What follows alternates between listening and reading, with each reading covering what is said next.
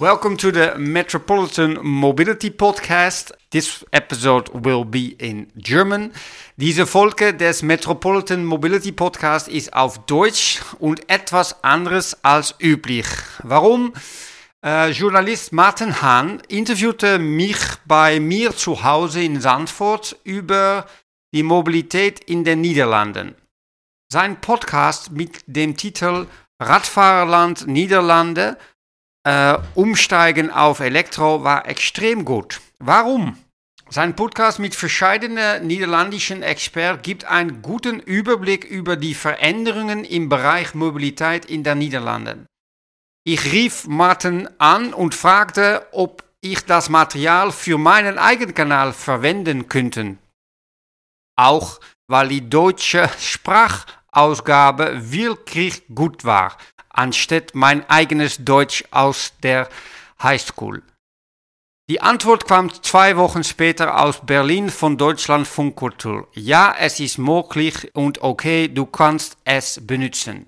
So, äh, Damen und Herren, viel Spaß bei Anhören Radfahrerland Niederlande umsteigen auf Elektro, gesendet von Martin Hahn von Deutschland Funkkultur. Viel Spaß! Deutschlandfunk Kultur Weltzeit als ich das erste Mal in den Niederlanden war und dann diese riesigen Fahrradstellplätze gesehen habe, also auf zwei Etagen oder noch mehr, standen da tausende Fahrräder übereinander gestapelt teilweise, da habe ich schon gedacht, irgendwas ist hier anders als bei uns in Deutschland. Und jetzt kommt die zweite Mobilitätswende. The share or the e-bike use is it's kind of exploding. It's, it's really growing rapidly. Der Anteil von Elektrorädern explodiert förmlich in den Niederlanden, gefördert auch durch die Politik. Aber nicht alle Hoffnungen, die damit verbunden sind, erfüllen sich auch, denn viele Autofahrer, die eigentlich umsteigen sollten aufs Fahrrad, steigen zwar um, aber aufs E-Auto. Ich bin André Zanto, hallo und für uns in den Niederlanden unterwegs ist Martin Hahn. Der lebt noch gar nicht so lange dort, aber eines der ersten Anschaffungen war natürlich ein Fahrrad und auf dem nimmt er uns jetzt mit zu einem der Mobilitätsexperten des Landes. Hi, goedemorgen, I'm Martin. Hey, goeie. Hi. How are you? Hallo. Welkom. Wil je Thank koffie? you, thank you. You want coffee? Wer Gerd Kloppenburg in Sandford besucht und mit ihm über Mobilität sprechen will, über Autos, Räder, Züge, der muss ihn nicht lange bitten. And if you look the way it's been organized, it's just unbelievable. Then these stupid things comes along. Kloppenburg berät Firmen, hält Vorträge und betreibt einen Podcast zum Thema. Darin spricht er mit Experten weltweit über Verkehrslösungen, die das Leben in Städten besser machen. Helsinki, ladies and gentlemen, welcome to this new episode of the Metropolitan Mobility Podcast, which Helsinki, Berlin, Los Angeles. Kloppenburg interviewt Stadtplaner, Politiker und Wissenschaftler und sucht nach Ideen. Der Niederländer hat also einen guten Überblick, wie Städte weltweit ihren Verkehr organisieren. Woran aber denken seine Gesprächspartner, wenn sie an die Niederlande denken? Das Erste, woran Sie denken, is ist das. Fahrrad. Steig auf dein. Rad, Holly. Steig auf dein Get on your Rad. Ein Klischee, das nur halb stimmt, sagt Kloppenburg, denn es ist nicht so, dass die Niederländer nicht Auto fahren würden. Say an example between Wenn man sich die Anzahl der Autobahnen zwischen Den Haag und Rotterdam anschaut, wird klar, dass wir Niederländer längst nicht alles mit dem Rad machen. Es gibt auch hier riesige Staus. Wir haben rund 7,5 Millionen Autos allein in der Randstadtregion und 14 Millionen Parkplätze. Es ist also ein Märchen, dass wir alles per Rad erledigen. So that is a big myth that suddenly we do everything by bike. Und doch sind die Niederlande eine Nation der Radfahrer. Vor allem die kurzen Wege zur Schule, zum Sport, zum Einkaufen werden mit dem Rad zurückgelegt. Die roten Radwege sind allgegenwärtig, aber das war nicht immer so. Then people say yes, that has been here for Manche hundreds Leute of glauben, years, and that's das ist the seit biggest- Hunderten von Jahren so. Aber das ist der größte Quatsch. Es brauchte fast Straßenkämpfe in Amsterdam in den 70ern und 80ern, um das System zu ändern. to actually change this system.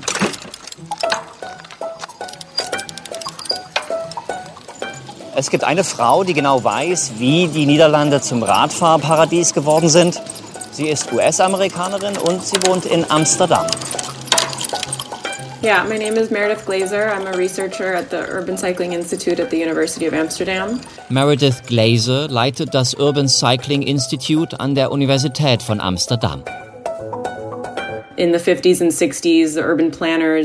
50ern und 60ern machten die Stadtplaner damals Platz für das Auto. Das war die Technologie der Zukunft. Die Vision war eine autobasierte Mobilität. Aber bald türmten sich die Negativschlagzeilen. Schlechte Luft, verstopfte Straßen, Unfälle. Die Zahl der Verkehrstoten stieg, darunter viele Kinder. Das war ein großer Faktor. Die waren es gewohnt, auf den Straßen zu spielen. Aber mit den Autos wurde das immer gefährlicher. Dazu kamen Umweltbewegungen und andere Proteste. Und ein Ölembargo, das die Benzinpreise nach oben trieb. All das passierte in den 70ern.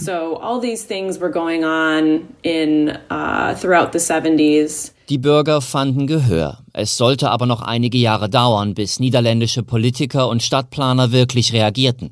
Erst in den 80er und 90er Jahren wurde in eine neue Infrastruktur, ein Radwegenetz investiert. Und auch neue rechtliche Grundlagen wurden geschaffen, erklärt Fahrradforscherin Glaser. Man richtete sich nach drei grundlegenden Prinzipien. Erstens, Menschen machen Fehler. Zweitens, die Regierung ist für die Sicherheit der Menschen zuständig. Und drittens, die Gestaltung der Straßen sollte die Fehler der Menschen einkalkulieren und den daraus entstehenden Schaden minimieren. Diesen Leitgedanken folgend reorganisierten die Niederländer die Straßen in ihren Städten. Fußgänger und Radfahrer erhielten mehr Platz. Auf Straßen mit viel Verkehr wurden die verletzlichen Verkehrsteilnehmer räumlich von den Autos getrennt. Ein Meilenstein der niederländischen Radfahrgeschichte. Bei Unfällen mit Radfahrern waren ab sofort außerdem prinzipiell die Autofahrer schuld.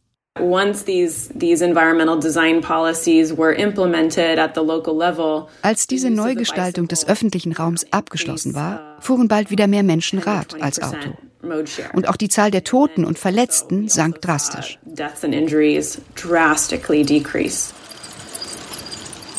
Bei 17 Millionen Einwohnern gibt es heute rund 23 Millionen Fahrräder in den Niederlanden und über 3100 Radläden. In Amsterdam allein gibt es fast 770 Kilometer Radwege. Und finanziert wurde das neue Radwegenetz damals übrigens unter anderem durch Parkgebühren. Und bis heute ist es teuer, sein Auto in Amsterdam abzustellen. Eine Stunde kostet bis zu 7,50 Euro. Einnahmen, die weiter gebraucht werden. Building a cycling city is never finished.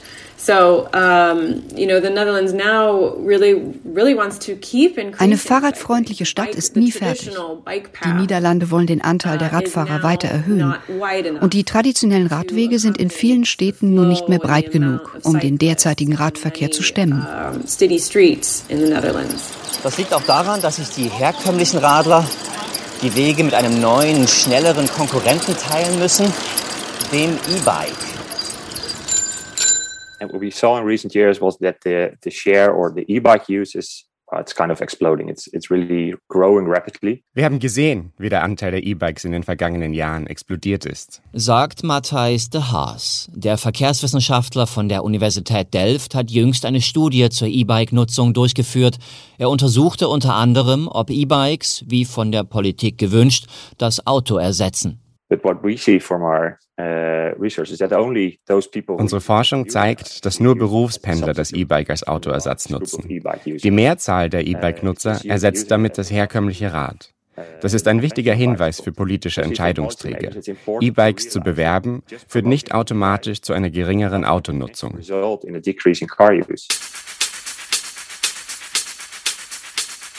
Das E-Bike verdrängt derzeit also vor allem das umweltfreundlichere, muskelbetriebene Fahrrad. Aber der Haas ist zuversichtlich. Denn die Gruppe der Berufspendler, die das Auto für das E-Bike stehen lässt, wächst. Nicht nur Fahrräder werden in den Niederlanden zunehmend elektrifiziert. Wer hier unterwegs ist, dem fallen schnell die vielen E-Autos auf den Straßen auf. Noch liegt der Anteil im einstelligen Prozentbereich, aber das Wachstum ist jedes Jahr deutlich.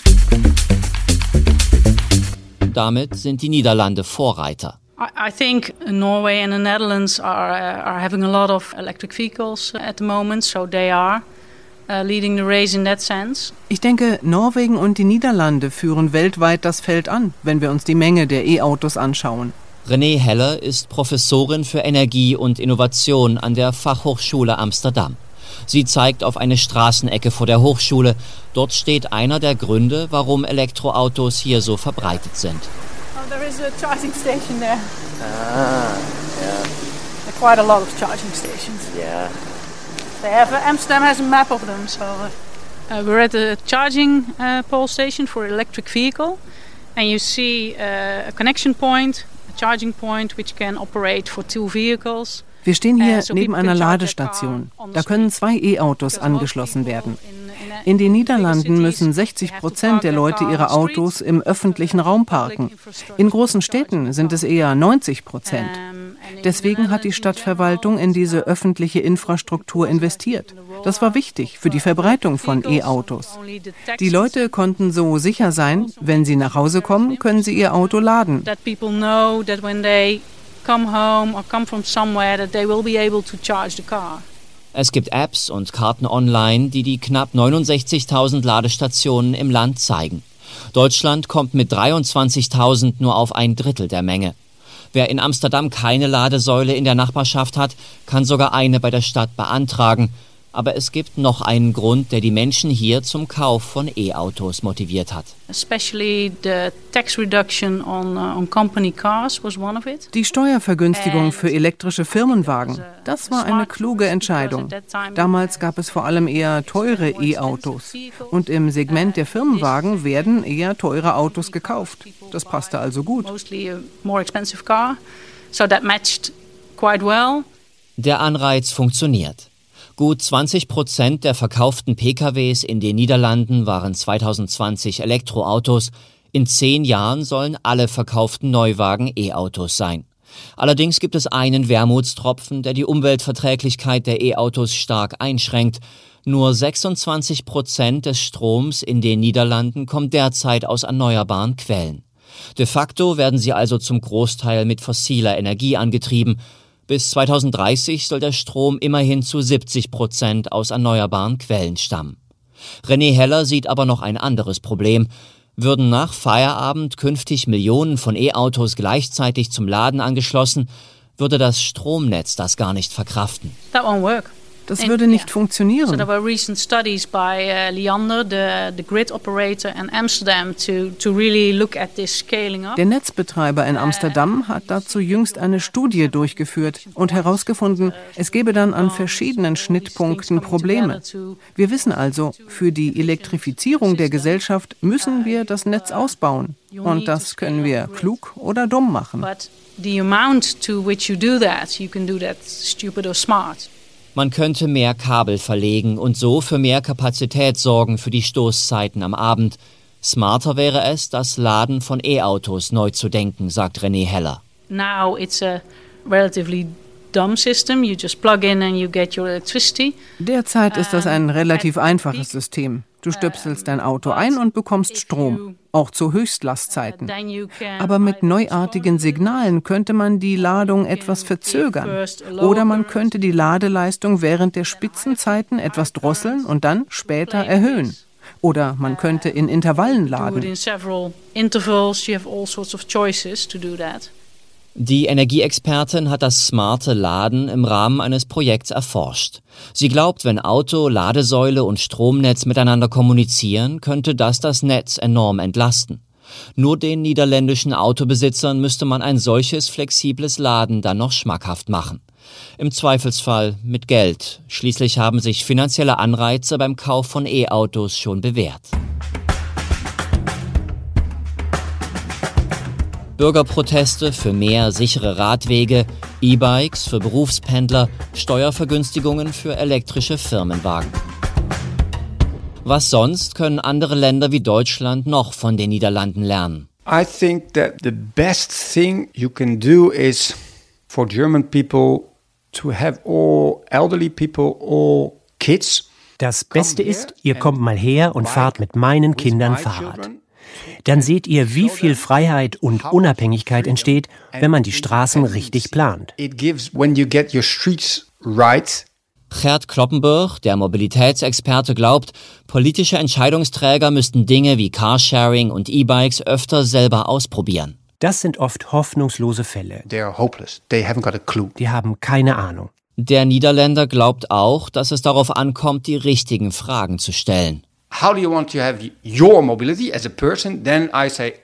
Fragt man die Leute, wie stellst du dir deine Mobilität vor, dann kommen da Antworten wie, ich will mein Auto vor dem Haus parken. Und so entstehen dann Berichte, in denen steht, wir haben hunderttausende Menschen gefragt und alle wollen ihre Autos vor dem Haus parken. Wenn Kloppenburg für seinen Podcast unterwegs ist, fragt er stattdessen, How do you want wie soll deine Straße aussehen? Was soll da stattfinden? Dann lautet die Antwort, ich hätte gern eine ruhige Straße, in der ältere Menschen spazieren gehen und auch die Kinder spielen können.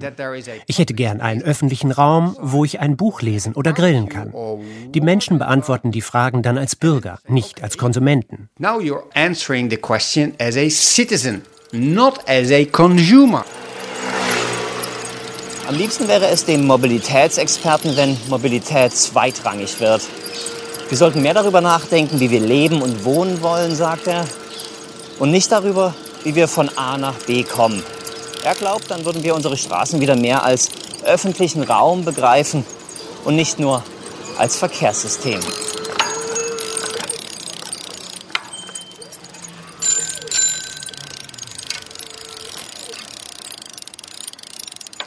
Martin Hahn aus den Niederlanden, wo man offenbar auch Radio auf dem Rad macht.